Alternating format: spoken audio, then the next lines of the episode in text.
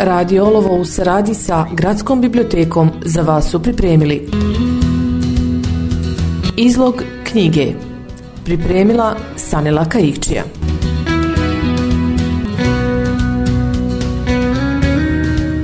Gradska biblioteka i ovoga petka pripremila je preporuku za čitanje, a danas je to knjiga Mi djeca sa kolodvora Zo od Christian F. Pozdravljamo vas iz studija Radio Olova. Christian F je ime koje je krajem 70-ih i početkom 80-ih obilježilo e, čitavu jednu generaciju. E, razlog tome bila je biografska knjiga Mi djeca sa kolodvora Zona napisana 1978. godine. E, kroz priču maloljetne Kristijane Felšerinov opisana je jeli sudbina mladih ovisnika o droge u Berlinu. Knjiga je izazvala skandal jer je otkrila kako društvo na cjedilu ostavlja svoju mladež. Priča o djeci sa kolodvora Zoo nastala je na temelju intervjua koji su dva novinara magazina Štern vodila sa Kristijanom F.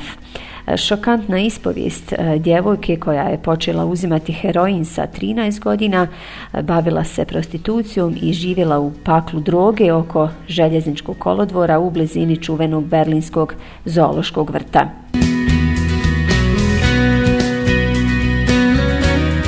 Redatelj Uli Edel 1981. je snimio film koristeći drastične detalje iz ispovijesti mlade heroinske ovisnice. Knjiga i film pokrenuli su u zapadnoj Njemačkoj široku raspravu. Priča o mladima koji zbog narkotika zapadaju u kriminal i prostituciju bila je sušta suprotnost samo imanju nacije i njenom posljeratnom blagostanju. Mi djeca s kolodvora Zoje nemilosrdno suočila društvo sa njegovim naličjem. Reakcije su naravno bile kontroverzne, e, dok je dio javnosti predbacivao društvu neaktivnost. Mnogi prijatelji Kristijane F. umrli su od heroina. Mnogi su kritikovali producente filma jer navodno uljepšavaju život narkomana.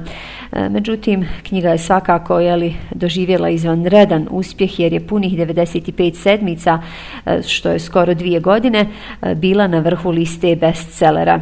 Film je bio jedan od najvećih njemačkih izvoznih uspjeha uspjeha u historiji kina.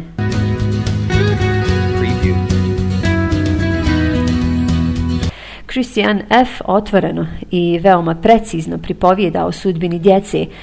Za njih javnost saznaje tek kada ih droga ubije. Priča je to koja je 70-ih potresla njemačku javnost i koja do dana današnjeg nije izgubila na svojoj aktualnosti.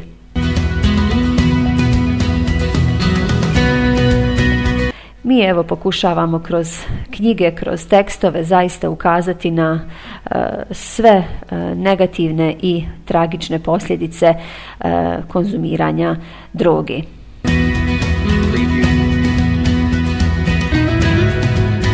Nadamo se da će svijest kod ljudi vrhovnika općenito E, stanje svih država svijeta zaista se probuditi i da će se stati u kraj e, drogama, da će sva djeca i omladina biti spašena.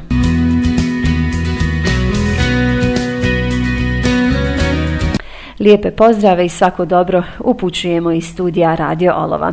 Vidimo se u Gradskoj biblioteci Olovo. Prijatno!